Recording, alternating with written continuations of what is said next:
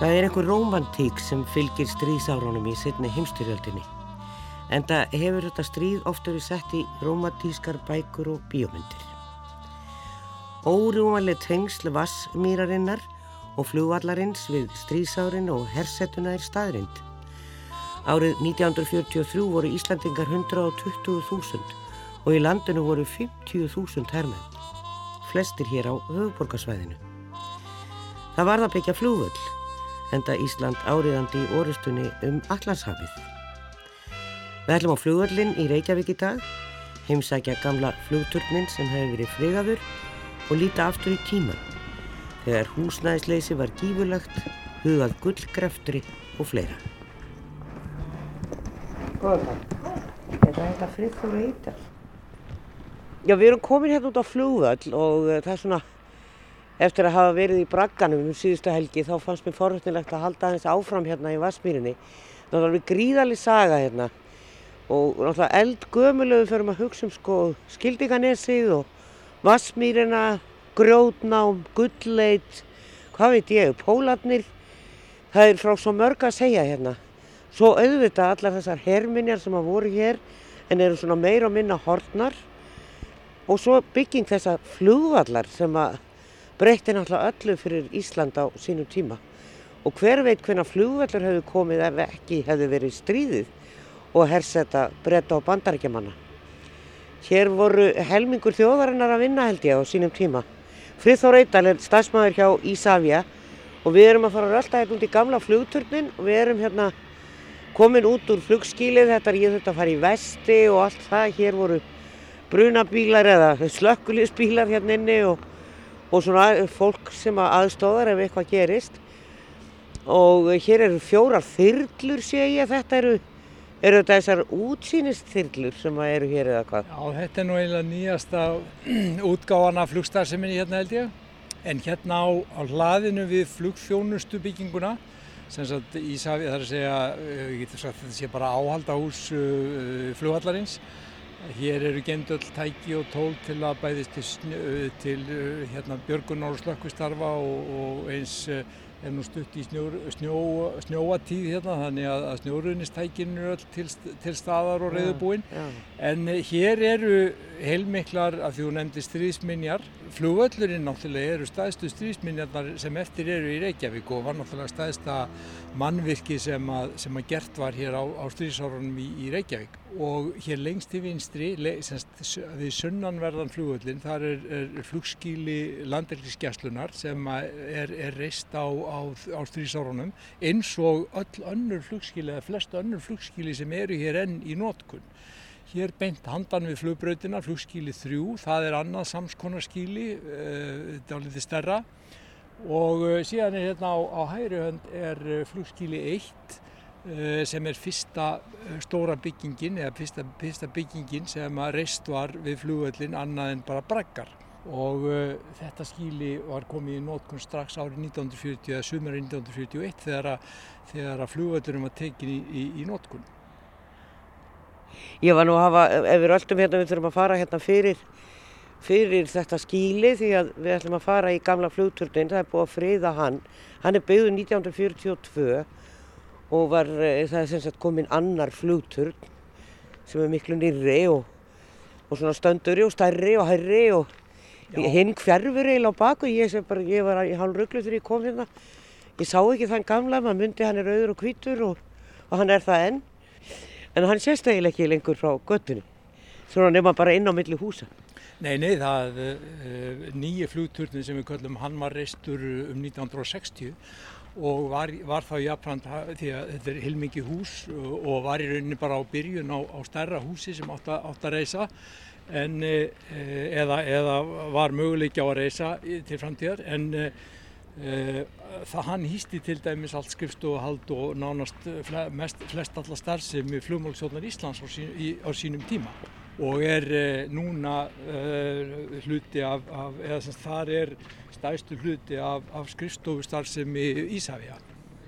Já, sem fyrir alla flugvellina hér á höfuborgarsvæðinu og líka Keflavík þá eða hvað? Já, reyndar er þetta svona, hvað ég maður segja, svona, svona stóðsvið og, og, og yfirstjórn sem hefur þar aðsendur Reykjavík flugvöllur og flugvallastjórin og hans fólk er í næsta húsi og, og svo náttúrulega eru flugvellinir e, reknir hver og einn með, með sínum flugvallastjóra og, og, og starfsliði út um land Já. og svo Keflavík flugvöllur náttúrulega sem að nýlega er komin inn í myndina, hann er náttúrulega með, með langstæðstu starfsemina og flest starffólkið og það hefur aðsetur já, víða e, þó engum í flugstöðinu á Keflavík og svo e, upp á e, gamla hersvæðinu eða, eða á austurhlaðinu sem við kallum og það er náttúrulega gríðarlega mikið starfsem og miklu meiri heldur en samanlögðu öll starfsemin á öðrum flugöldum landsins. Við erum náttúrulega ganga hérna á algjöru bannsvæði er það ekki? Já, eða þannig? Ég, við erum náttúrulega, við erum náttúrulega víkja fyrir flugvílónum, það er alveg, það, það er alveg ljóst. Já, það var nú eina takk á loft hérna bara nánast við liðina okkur. Já, já. já. Hér eru sem sagt, uh, uh, hér standa snjóraunistæki og ímiðskona verkfæri uh, og eru hér inn í þessum, hér er braggi sem var gerður upp fyrir nokkrum árum og við höfum helst vilja að rýfa en, en henda ekki upp á marga fiska en, en fengum, fengum ekki leiði til svo að, að það, var, það var það flikk upp á hann og klæðan, klæðan allan upp. Býtu af hverju hérna var talið ástæða til að venda hann eins og turnin eða hvað? Já, það, er, uh, það var, var upp í svo hugmynd sko úr því að búið var að venda, venda, venda turnin að þá braggin er, er hluti af, eða hann er eitt fjögur af bragga sem stóði hérna upphalega, hinn er brunnu á sín tíma og svo náttúrulega flugskílið sem er elsta byggingin og uh, sem er hérna við hlýðina á, á turninum og uh, mann síndist að uh, það væri uh, tilíðilegt að, að og já, það horfa svona til framtíðara með, með varveislu á þessum byggingum öllum sem hild. En uh, það, hún er vel loka hér hvað þessum turni, hvenar? Já, það er hægt að nota sem flugturn hérna upp úr 1970 eða upp úr 1960 en það var lengst af hér margskonar starfsemist, eh, slökkvilið og, og, og önnur flugvallathjónusta og og hér til dæmis á, uh, á fyrstu hæðinni, á fyrstu og annari hæðinni höfðu ímsir flugregendur aðsetur í, í, í ára tíi. Ja, hann er klættu með bári átni hér, eh, þetta er hvað, söðurliðin? Já, það er svona á... Og veður, veðurverjan. Veðurverjan, já. já, já. Þetta er náttúrulega ekki merkileg bygging ef að, ef að út í það er farið. Þetta er reist náttúrulega til bráðabyrða á strísárnum og listi í raun af hólmi eh, trekkassa utan af orustuflugvil sem stóð á, á, á hæðinni hérna á móti í, í hérna að mista í nokkra mánuði á, á strísárunum áður en að tekinni notkur. Ég horfi hérna yfir þessa flugbröð, það er lítil rella að fara á loft hérna, svona enga flugvil lítil og, og það er svona þúva þarna aðeins í burtu og þetta var Þarna var flugumferðarstjórnin til að byrja með. Hún stóð bara utan dýra til að byrja með og síðan, eh, síðan hérna, fenguðu svona smá skíli yfir sig og, og eh, á meðan var verið að reysa flugturnin veturum 42 og fram á sumar 42 þegar henni tekinni nótkunn. En flugvöldurinn byrjaði starfsemi strax í júni 1941. Þannig að það tók ekkert svo svakalega langan tíma að byggja þennan flugvöld og eins og ég sagði á hann það var hálf þjóðin að vinna hérna eða hvað? Allar hann að kall þjóðin ég segi nú kannski ekki hálf þjóðin en það var, var gríðalögum mannfjöldi og mest voru það náttúrulega breskir hermenn og uh, bandarískir uh, sem komið til aðstóra líka og svo uh, íslenskir verkamenn og yðnamenn sem að voru þeim til aðstóra og störfuðu hjá hernum. Yeah. Þetta var gríðarlega þetta voru gríðarlega mikil umsvið og, og eins og þú segir tók til dæla skamman tíma enda kannski tjaldað fremur til einna nætur því að Uh, á síðari, á setna meira þá þurftir náttúrulega endur nýja mikið af þessu sem að, uh, skulum segja, hafi verið hróplað upp í fljótteitum Eh, enda lág á að það væri hægt að, að, að, að starrækja hérna flugvilar í, í styrjöldinni í, í, í orðstunum allansæfið og flugvöldinni skipti greiðlega miklu máli og þessi staðsetning á þeim tíma. Við hverjum Frithór Eidal í beili og ætlum að huga aðeins að sögu vassmýrarinnar og förum í heimsókn upp í bæ. Já, það er um mikið að fjalla í Nautólsvíkinni að vassmýrinni það eru svo ótrúlega margir hlutir gæst þarna og margt verið þarna. Guðjón Freiriksson eins og sakfræðingur eins og fólk veit að við skrifa sögur Reykjavíkur og þar kemur ímislegt fram um þetta svæði og eh, við erum nú bara sest inn í stofi hjá honum, það nátt ekki heimann gengt en, en það skiptir svo sem ekki málið því að það er eiginlega allt farið af staðnum sem að eh, við ætlum svona kannski að tíunda hérna í dag en þarna var náttúrulega sko skemst að minnast Alaska og eitthvað svona sem að lifandi kynnslóð mann eftir. Þetta er allt horfið. Þetta voru lestarteinar, það var mikið grjótnám það er núna keiluhöll sem er held í búið að loka mér sér en hún stendur nú þarna en þá í áskilíðinni svo voru þarna pólatnir sem að var svona já, var byggt fyrir illa statt fólk í Reykjavík og húsnæðislaust og er nú ekki fagra lýsingar á, á þeim stað en þetta átt að vera íþróttasvæði segir þú mér Reykjavíkinga ef við kannski bara byrjum þar Já, það var ákveðið í bæjastjórn Reykjavíkur eins og hún hétt nú þá, hún hétt ekki borgastjórn, þetta er bæjastjórn. Það var ákveðið 1936 að þarna skildi verða framtíðar íþróttasvæði Reykjavíkinga, altså þarna við Nautalsvíkin á í skjæriðferðinum. Og þá var byrjað að ræsa þarna fram mýrar til að undirbúa það að þarna átt að vera semst bara þjóðar leikvangur Íslendíka eins sem er núna er í lögadal. Og þetta voru stórhuga áallanir það átti að vera 12 tennisvellir og fyrir utan hennan aða leikvang átti að vera æfingavellir og, og frjálsýþrótti aðstafa og, og svo átti að vera aðstafa fyrir kappróður í Nautalsvík. Þetta var sem sagt allt í undirbúningi, þetta var nú að kreppa árunum þannig að kannski hefur nú ekki verið mikill hraði í framkvæmdum en, en það var sem spyrjaði að undirbúa þetta. En síðan kemur bara breski herin og þá breytist þetta allt því að þá er allavega hluta þessu svæði tekið undir flúvöllin og og, og svo eftir stríð þá er faramenn að beina sjónum að lögadal sko frekar. Þannig að það varði var aldrei neitt úr þessu. Nei Það er til tekníkar að tekníkar að, skipilagstekníkar af, af þessu sko. Já, já, menn voru stórhuga þarna. Þetta er nú svona svipaleiti og, og, og háborgin átt að rýsa upp á skólaverðuholti og þetta voru stórar og miklar hugmyndir sem að menn voru með Já, já, menn voru náttúrulega Ísland var náttúrulega fullvalda ríki og fullvalda ríki verður náttúrulega vera svolítið stórhuga og, og Reykjavík var höfuborgin þannig að það svona höfur örgla fyllt menn svona daldum eh, stórhug menn eru þau náttúrulega standið til nafni sem sjálfstað þjóð. Nákvæmlega. Nú af því að svo við förum alveg á hinnendan þetta er stórhuga og glæsilegt og kostar mikla peninga en þegar þeir reysa byggingu fyrir illastata reykjökinga eins og pólana þá var það nú ekki mjög glæsilegt. Nei, það, það voru alveg hreitt skelvileg húsnæði svandraði hérna á fyrri heimstyrildar árunum. Það var nú ekki mikið hægt að byggja út af stríðinu og það var mikil neyð og jáfnveil bara hungur. Eldsneiti hefði rokið upp úr öllu valdi og svo bættist við verðbolga og verkalýshefingi gæti ekki fyllt í eftir þannig að það kaupmáttur alveg svolítið snarleikaði Og það var líka mikið neyðar ástand í sveitum þannig að fólk streymdi til Reykjavíkur í vonum eitthvað betra líf. Og það bara var ekkit húsnæðið fyrir þetta fólk og það var mér að segja að farið að veita fólki húsaskjóli í hegningarhúsinu og barnaskólanum, sóttvarnarhúsinu sem bara var á götinu reynlega sko, bara venilegt mm. fátætt fólk. Og bæjastjórn, hún reyndi nú að breðast við. Og fyrst var nú keft Bjarnaborg við hverju skötu nú svona stórt, er kannski fyrsta blokkin, stórt, þetta stóra timbrú sem enn stendur. Og það var semst nýtt í þetta. Ég held að það verið 1916 sem Bjarnaborgin var keift og síðan var ráð, ráðist í að, að reysa sagt, hús fyrir húsvilt fólk, það var kallað húsvilt fólk sem bara átti hverki höfðu alla, Já. fólk var jáfnvel að sofa undir árabátum og ég veit ekki hvað ákvað sko. Já, já. Þetta er nú eiginlega, þetta voru eiginlega fjögur hús, þeir voru nú ekki öll reist strax en, en þetta var svona tvílift uh, timburhús, aðalhúsið og svo voru tvö einlift hús og þessi þrjú hús mynduð eiginlega svona húsagarð.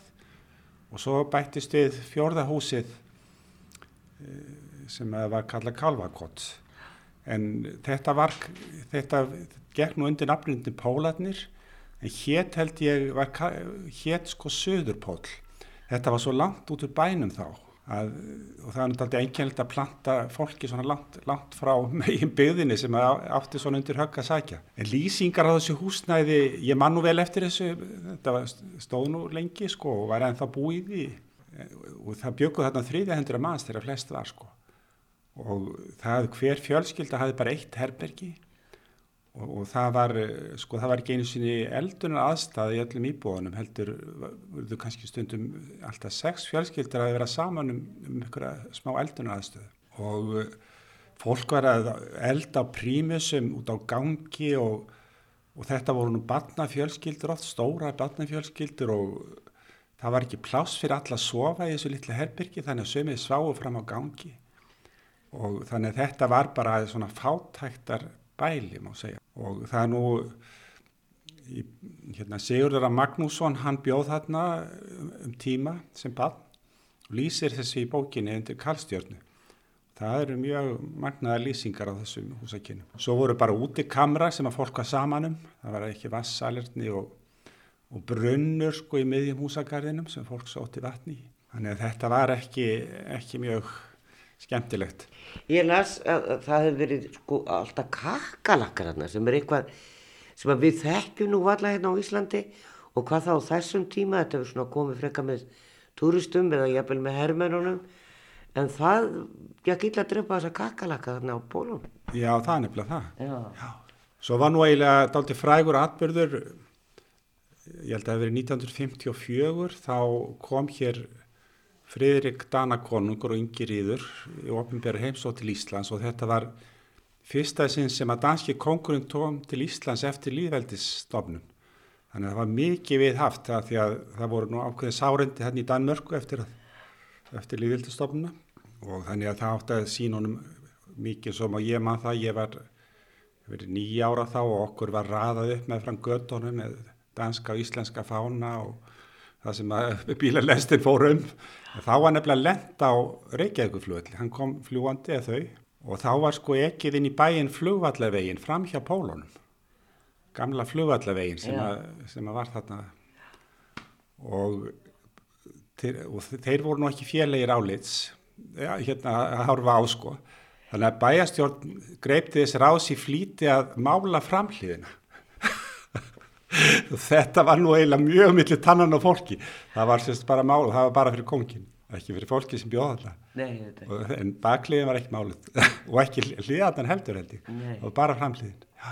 En það voru byggði nokkuð svona hús eh, á, á, á svona kannski, kannski ekki alltaf á sama tíma, höfðaborgin. Já, já, hún kemur nú á setni heimstyreldraránum en svo var líka vestur í bæ, ég held að það hefur 1920, þá var byggði bæjastjórn hús sem voru kallað selbúðir. Og þær voru þarna alveg vestast við vestugötu bak við seljaveg, svolítið frá götunni. Þetta var svona ferhyrtningur með láreistum húsum, allavega ekki verið svona 20 íbúðir þannig og uh, þetta var fyrir sagt, fátætt fólk sem ekki átti, átti neina önnur hús að venda og, og það, það var bara eitt herbergi fyrir hverja fjölskyldu eins og í bólunum. Yeah. og, og ekkit eldhús. Já, jú, það nú, jú, það var nú vist einhver, einhver smá eldhús en það var ekki neitt salerni eða þvottahús eða neitt slíkt. Og í þessu var búið alveg í selbúðunum, það var búið þarna alveg já, fram, ég ætla ekki að vera fram undir 1970 eða lengur jável í þessum húsum. Og ég, eitt skólabróði minn, ég var í Gaggo Vest.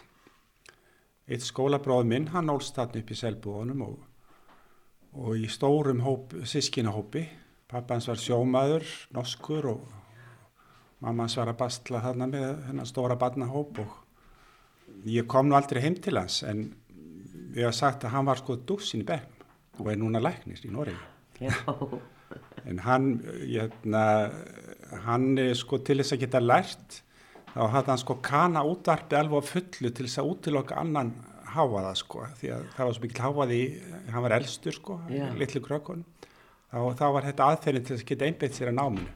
Það var kanan á, á fullu sko í útastæki Já, Já það var ímislegt gert þarna. Við verðum aðeins að minnast á uh, sko, við förum alltaf úr sem vonda yfir í það góða eða svona fínir í það að menn fór að grafa fyrir gulli eða grafa eftir gulli í öskilíðinni og hérna það var bara svona doldið uh, gullæði í gangi hérna um tíma. Já, já, þetta var náttúrulega, þetta var nú, það var fengið sko bor til, að- til að bora fyrir vatni og hann var settur þarna upp í, í Vassmýrinni. Þetta var nú áður en að Vassveitan kom í var ekki 1904 eða 5, hvað svo leys. Og það var þarna einhver maður frá sem hafði stunda gullgröft í Ameríku sem var eitthvað viðriðin þetta. Og hann taldi að hefði komið þarna gullkorn upp með bornum og það skipti bara engum tóum að það var bara reynd gullæði í bænum og, og hérna menn töldi bara að væri nýtt klondæk í uppsik, uppsiklingu Já, og það voru stopnið félug, námufélag og, og selt hérna, námubref og ég veit ekki hvað og hvað sko. Og það voru alls konar sterkefnar aðtafnamenn í Reykjavík sem að hl- hlupa á þetta strax sko. En þetta reyndist nú ekki vera hérna, nýta, gull. nýtalegt gull allavega. Nei, nei, verið glópa, glópa gull Já, það borgaði sér allavega, það var það lítið að það borgaði sér ekki að vinna það sko. En upp frá þessu þá vöknuðu svona vonir eh, sko í- Íslendinga um að væri hægt að finna gull á Ísland og, og eina bendis og skáld var nú til dæmis einn af þeim sko og það var í, í Þornósdal sem hefur nú verið að vera að grafa af og til alla tíð síðan sko en það, upp frá þessu þá fara að menna að finna gull þar líka og leita gull og grafa eftir gulli þar sko. Þetta var, það var náttúrulega, þetta var svo í ofalega í hugum manna sko, þessi miklu æfintir í Klondæk og svo í Ástralíu sko, þessi menn eru alveg flugríkir og auga bræði sko. Íslendingar alltaf að hérna, fá sinn hluta þessu grill. og auðtrúa, ekki hægt að segja annað en að því vorum að tala um íþróttamannverki hérna í byrjun að þá náttúrulega eh, er fyrsta svona heimasvæði íþróttafélags er, er val, valur sem að byggir Já, hérna í, Já, á hlýðarenda það var sko, það var þarna, sko það var nú farið að þurka vassmýrina mikið svona upp úr aldamóti 1900 og, og aðalega til þess að búa til tún því að það var svo mikil búskapur í bænum, það var ekki hægt að flytja mjólk annars þar að, það var ekki vegir þannig að það myndust stór bíli og, og, og svo var sko margir sem að sko komið sér upp nýbílum og erðafesturlöndum og þar að meðal í Vassmýrinu og ég held að fyrsta nýbíli þar hafi verið hlýðarendi sem var þarna við rætur öskjuhlýðarinnar og, og það er einmitt eh, það heitir ennþá hlýðarendi sem er valurinn núna með íþróttaðstöðu sína. En það er náttúrulega Friðrik Friðriksson prestur sem að svona var uh, forgöngumæður í þessu allir saman. Já, já, hann er, hann er stofnað bæði val og hauka í Hafnafyrði Já. þetta eru svona systur félum á segja. Já. KFM félug Við kveðjum Guðjón Friðriksson sagfræðinga sinni en í mæ 2010 heimsótti ég Nautólsvíkina og rætti meðal annars við Helga Mána Sigursson sagfræðing um stríðsminjar í víkinni. Og við erum stödd við Suðuströndina. Nú komum við hérna á nálgunst þetta byrgi sem að ég verð nú að viðkjöna, ég á nú marga minningar hér að vera hangið hér í þessu byrgi þegar maður var krakki, maður gekk nú vestana melum hérna út í Nautólsvík og, og starfst nú stundum yfir flugbrautina til að styrta sér leið. Og það var náttúrulega harbannað. Það eru hérna litla trappur niður og við komum hérna inn þetta er manni þótt þetta nú bara fjandi stórt þegar maður krakki en þetta er þetta er svona uh, múrað eða hvað ég var að segja, þetta er byggt upp á, á múrsteinum og síðan er eh, svona lágt þak og, og svo er útsýni hérna út yfir sjóin en e, sko maður hugsa nú ofta í sambandi við stríð. Er, er þetta ekkert skrítin staður að, að fyrir hermenn að sitja og ætla að óvinna hér komið? Það er náttúrulega verið út af flugurunum sem voru hér í, í kosinni kannski sem að þetta er byggt. Já, já, það var sem sagt uh, Reykjavík flugveldur var svona mikilvægast og viðkvæmasti staðurinn í og það, eh, svona byrgi eru meðfram strandinni og upp, um, upp, upp á land ég veit ekki hver mörg sko einhverju týr Þau eru nokkur í öskulíðinni og það er eitt hérna veit ég niður fyrir neðan ægisíðu sem enn stendur. Og, og, en ég var nú gert að hafa séð fleiri en, en bara hér þessum slóðum. Jó, það er sko, eh, já það er, eh, það er mikið hérna þessum slóðum. já. Bæ- eh, Þarna hjá viðurstofu húsinu og og síðan er upp í Elliðardal og Þannig að þau eru ennþá nokkur til já, já, en sjálfsagt mörg farin. já, já. Það er kannski á bara á þessum svæðum þar sem ekkert hefur verið byggt. Já, það er náttúrulega, er ansið mikið þannig. Það er svolítið galli við minjavend á Íslandi að hún miðast svo mikið við 100 ára regluna svo kallið. Að hlutirnir er ekki merkilegir fyrir þeir verða 100 ára. En uh, samtíma sagan bara er yngri en það og hún er líka merkileg. Og hún verður einhvern tíman 100 ára. Og verður 100 ára en, en, en þá kannski verður lítið eftir. Veistu hvað menn þurft að vera lengi á vakti í svona hólum? Man fer nú bara að hugsa um vetur hér og það er nú svalt hérna í dag, í mæ. Já, menn voru náttúrulega bara í einum tilgangi hérna, það var til að sin- sinna sínum herna, hernaðarstörfum og þeir voru meira að minna allan sem vöku tíma bara í, á vakt. Þurft að sitja hér kannski í, í 8-12 tíma í einu. Öruglega hálfan sólarningin. Það hefur ábyggilega oft verið kallt. Já, en hérna voru sagt með sín, uh, sína hríðskotabissur. Það voru, eða vél, vélbissur.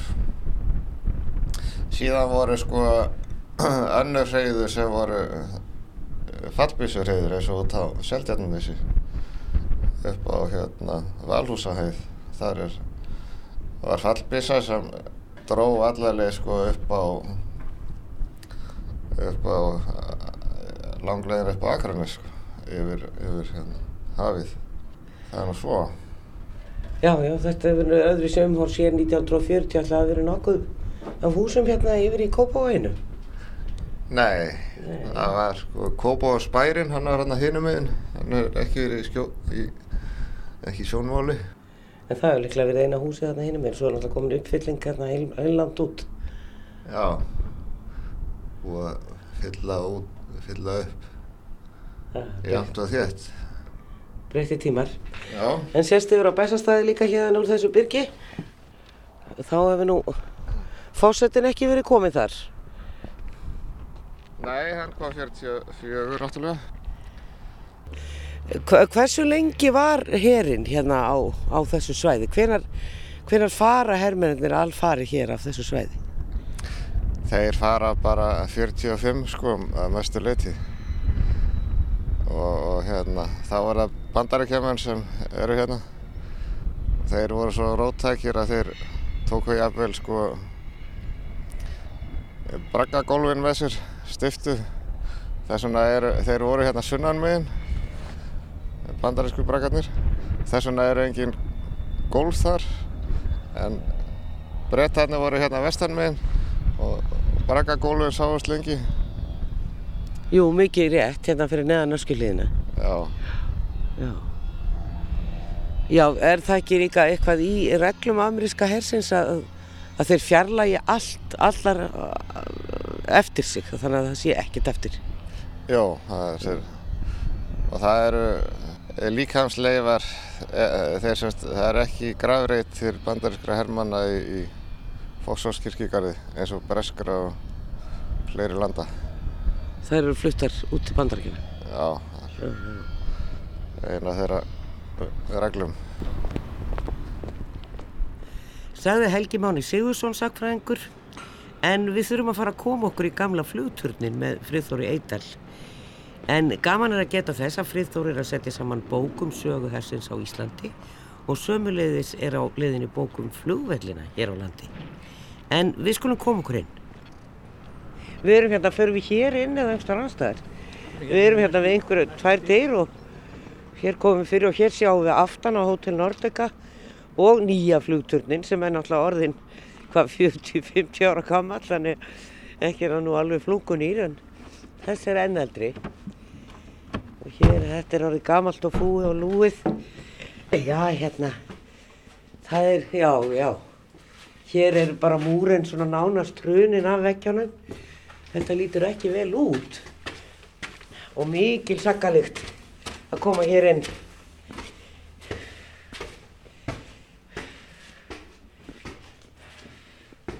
Og rið og annað sem maður sér en stigagangurinn er líklega vestsettur svona að sjá.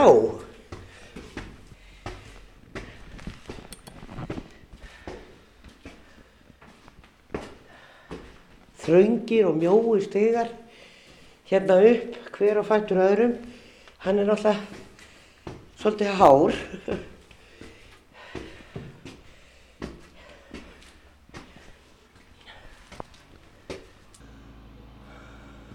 Svona leita nú þegar hann var í nótkunn 1944. Sko. Þetta, þetta er hotnið svona frá hálf út um hérna. Sko. já, já. Það er hérna ein mynd á vegnum. Þetta er nú ekki vel farið fyrir Þór. Nei, enda, enda er þetta búið að standa árum saman óupphittað og uh, en, en þó heldur veðri og vindum svona að, að, að mestu, mestu leiti en uh, ástæðan er einfallega svo að, að það hefur verið lögð frekari áhersla á það að, að nýta það fjármagn sem að uh, veittir til uh, flugvallana sem að er alfarið á höndum ríkisins að nýta það þá frekar í nöðsynlega verkefni við flugvelli og, og, og, og það sem að þarf á þeim til rekstrar heldur en að, að vera, við skulum segja að, lappa mikið upp á, á, á þetta sem er ekki nótkunn lengur nema þá bara rétt til þess að, að forða því frá, frá skemmtum. Það er náttúrulega æri verkefni um flugvellinni, það er endalust. Endalust viðhaldi, hérna sjáum við alla flugbröðnar þegar við stöndum hér uppi. Sjáum hérna vestur-austurbröðina, norður-söður sem er á að loka. Ekki rétt hjá mér? Jú, það það er meiningin miða við uh, núgildandi áallanir eða skipulag. En það er nú ekki, sko, allar þessa brautir voru, þær voru ekki komnar þegar herin er að setja upp þennan flugull hér eða byggja hér er náttúrulega ekkert komið. Þegar að herin, uh, sko, þegar breski herin kemur 1940 þá skortið á uh, undir eins uh, lendingastað fyrir, fyrir litla flugvilar og fundu hann austur í Kaldaðanesi fyrir suðvestan Selfoss, austan við Ölfusá.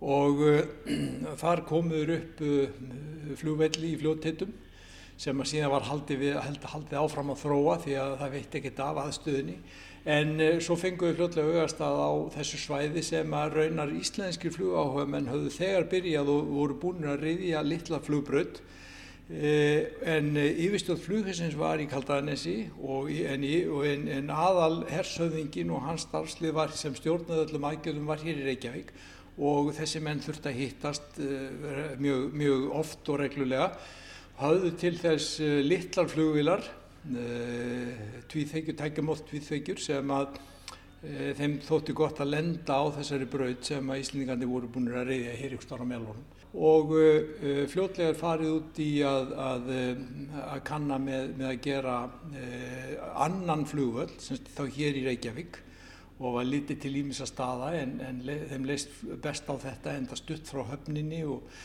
og uh, þótt að þetta væri, uh, það teldist nú ekki langt í burtu núna, þá var þetta náttúrulega lengst út, út, út úr bænum á, á þessum tíma.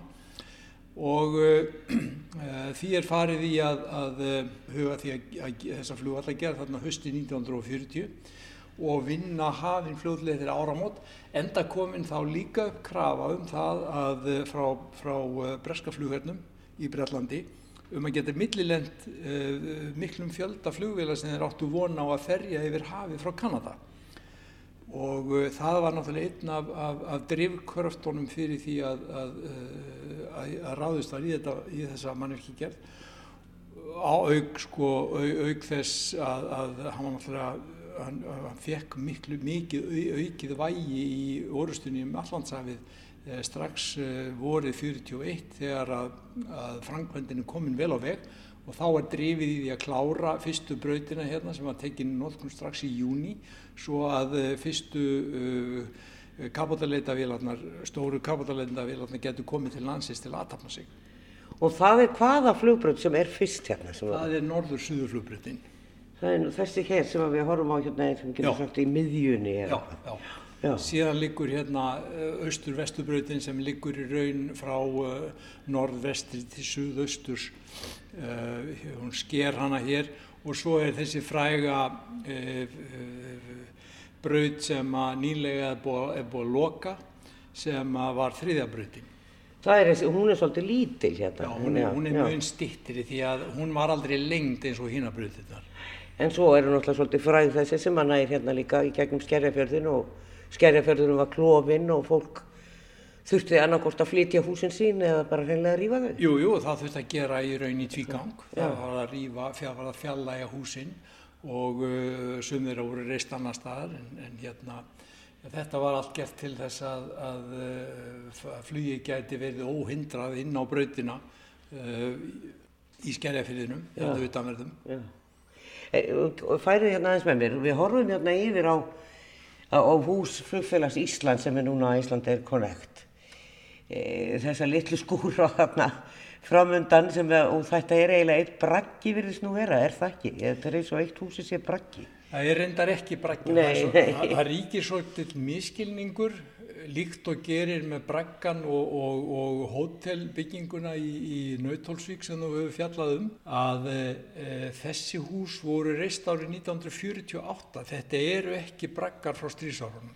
Heldur var þetta reist sem flugstöð af flugfélag Íslands Já, já. og uh, tekið í notkun árið 1978 og síðan hefur, en það voru náttúrulega braggar þá ymsir á svæðinu því að bandarækjumenn höfðu, bandarækki flugverðin höfðu þarna aðsetur og flugskíli á sínum tíma uh, áður en að þeir fluttu megnið eða mest alltaf sína starfsemi og endanlega alla sína starfsemi sem eru að kepla upp flugvöld síðar í stríðinu.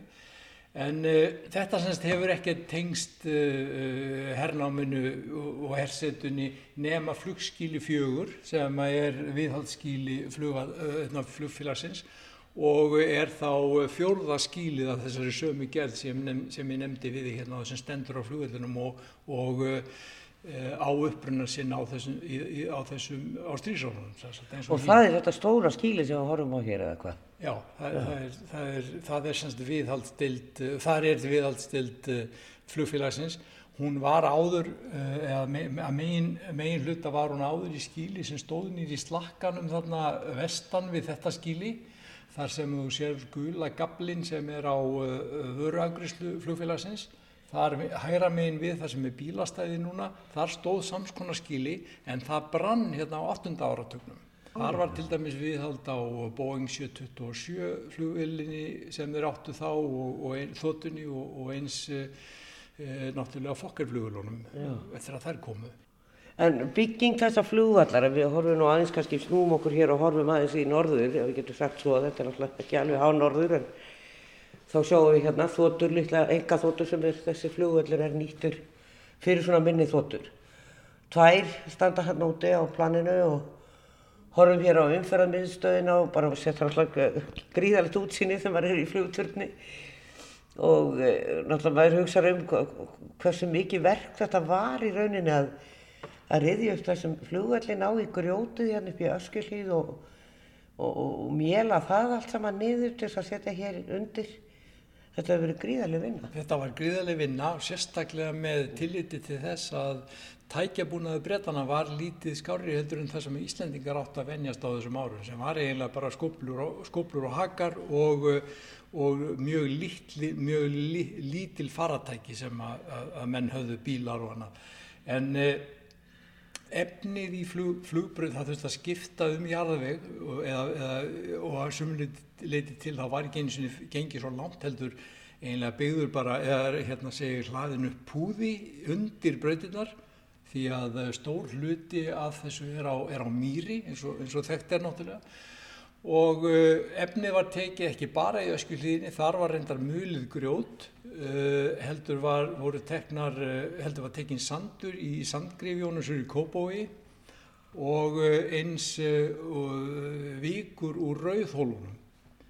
Það er oft talað um að, að, að rauðhólarnir hefur verið eðilagðir með, við lagningu Reykjavíkurflugvallar En það var ekki upphafið af malanáminu í rauðhólunum, heldur voru Íslendingafattin að nota þetta til þess að leggja á, á gödurnar í Reykjavík því að þetta var svo vel ríkbundi efni uh, og þótti gríðarlega góður onniburður í, í þær gödur þar sem þetta var notað.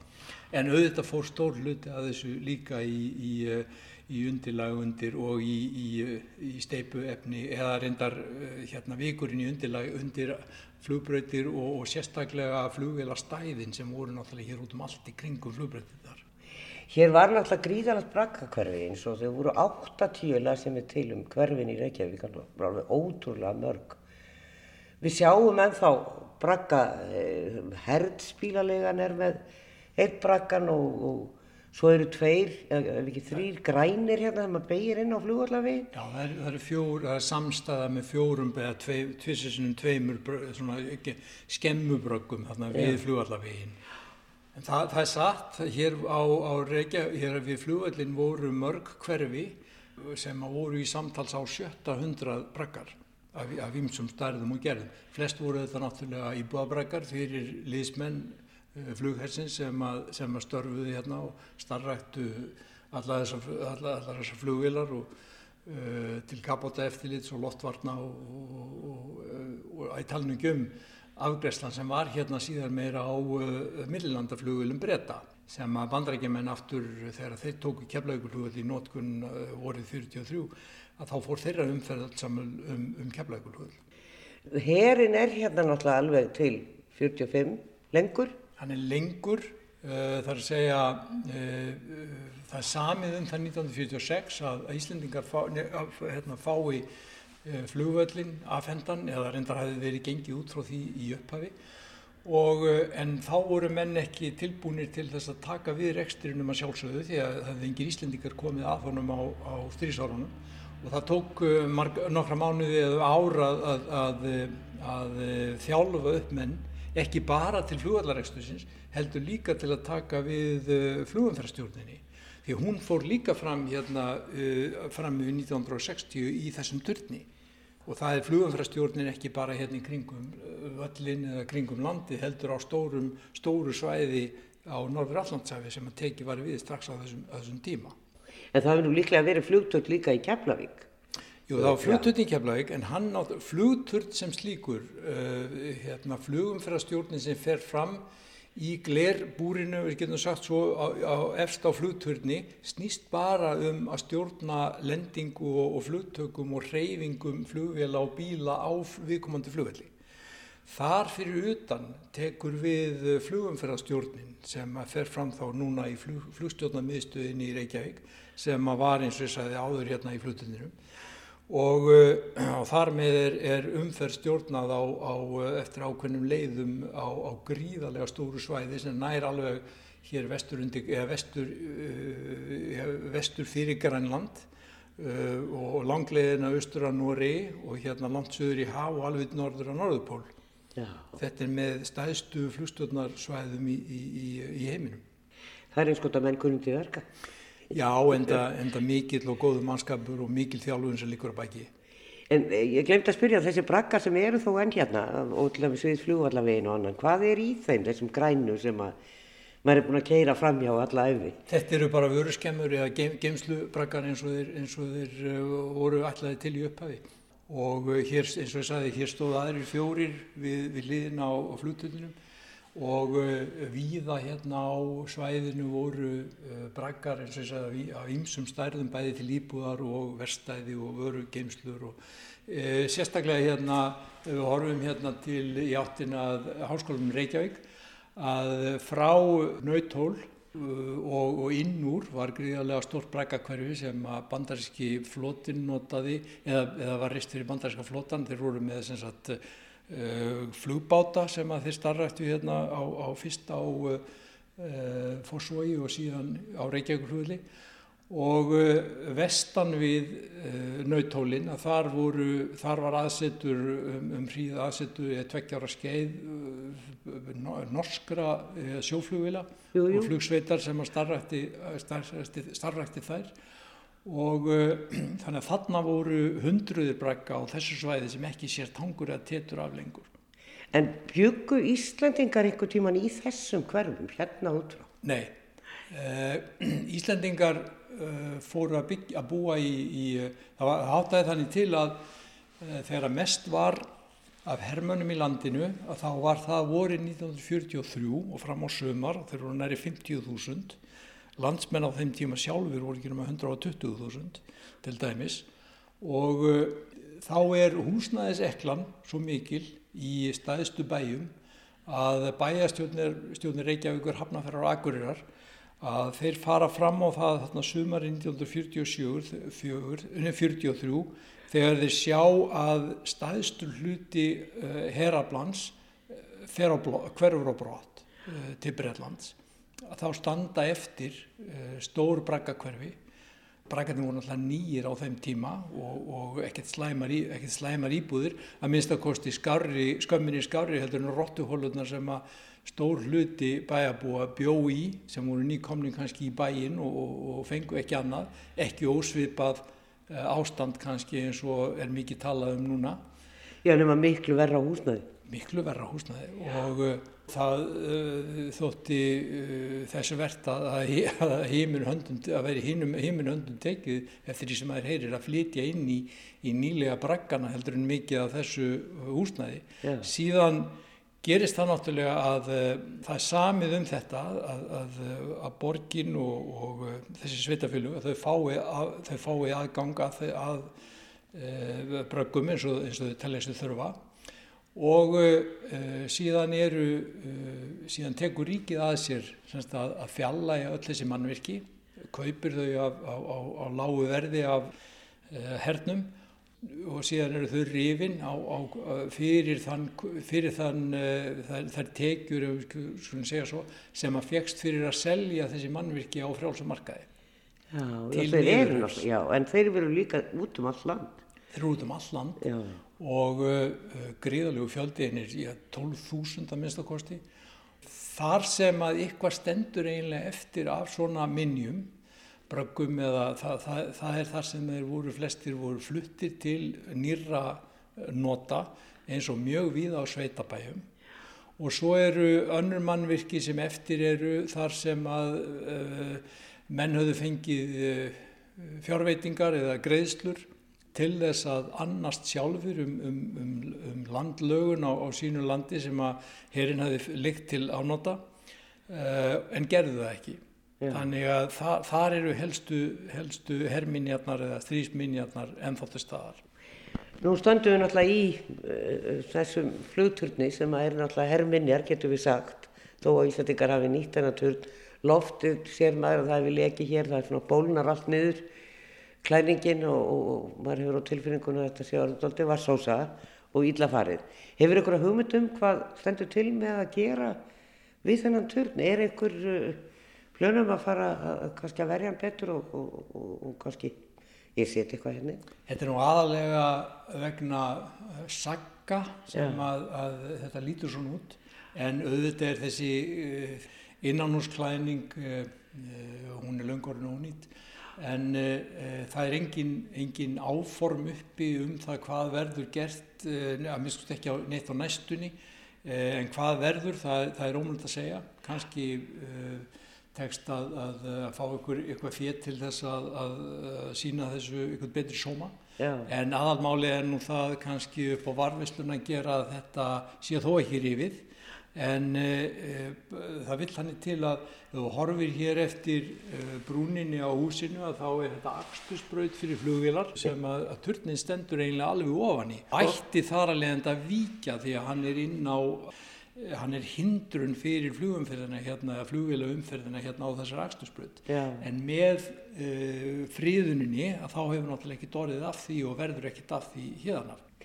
En svona í lokin, Friðþóra, spyrði þig Hvað myndir þú vilja sjá sem er búin að vinna 23 ára eða varst upp á keflauguvölli og upplýsingafulltrúi hjá Ernum, svona opana þínni starfsæfi, kemur svo hérna og ferði að vinna hjá Ísafja og, og svona þekkir þessa sögu mjög vel. Hvað myndir þú vilja sjá að er gert við þessa minjar sem að þó eru eftir?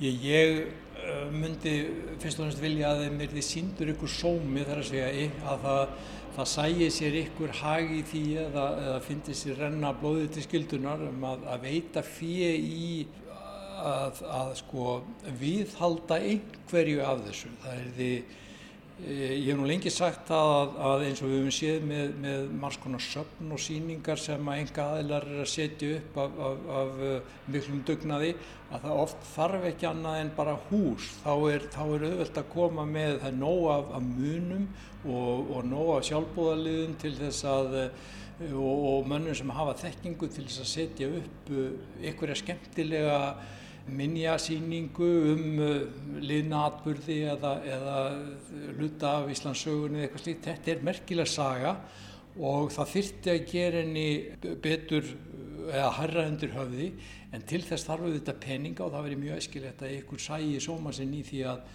að taka það til athugunar og velja þá eitthvað sem, er, vert, sem er þess virði og ekki allt of dýrt að, að, að reyna að gera eitthvað úr eins og til dæmis að menn hafa gert af, af mikillir raustni eins og menn þekkja með eh, þennan svo kallaða bragga nýri í, í Nautlórsvík sem er í raun miklu meira en braggi. Þetta er helmingurinn eða stór hluti af flugvallarhótelinu sem að reist var þarna vetur í 1945 og uh, svo saga ég gætnan sögð og er á miskilningi byggð að, að, að Churchill hafi komið þarna og, og hallað sér upp að að fallir í arinhleðslu sem er í, er í húsinu eh, það getur náttúrulega alls ekki að staðist því að hann kom hérna dagstund eh, sumar 1941 og þá voru ennþá fjögur ári að, að þessi hús verður risin En, en hóteli fekk að heita Hótel Winston já og, já og sagan er kemtileg og síðan hérna Hótel Ritz já. er það ekki? Jú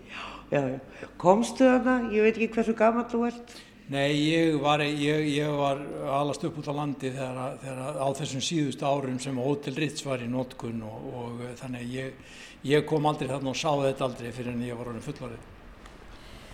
Sagði Frithór Eidal hjá Ísafja. Já, það er margt horfið úr Vassmýrinni. Tíminn rýfur þetta í sig. Vetragarðin, tífóli og fleira. Það er því undarlegt að aldrei skuli hafi verið byggni í flughöfn á Reykjavíkuflugvelli en ég held að hún sé frá 1948. En við kannum það og fleira í næsta vetti. Verðið sæl.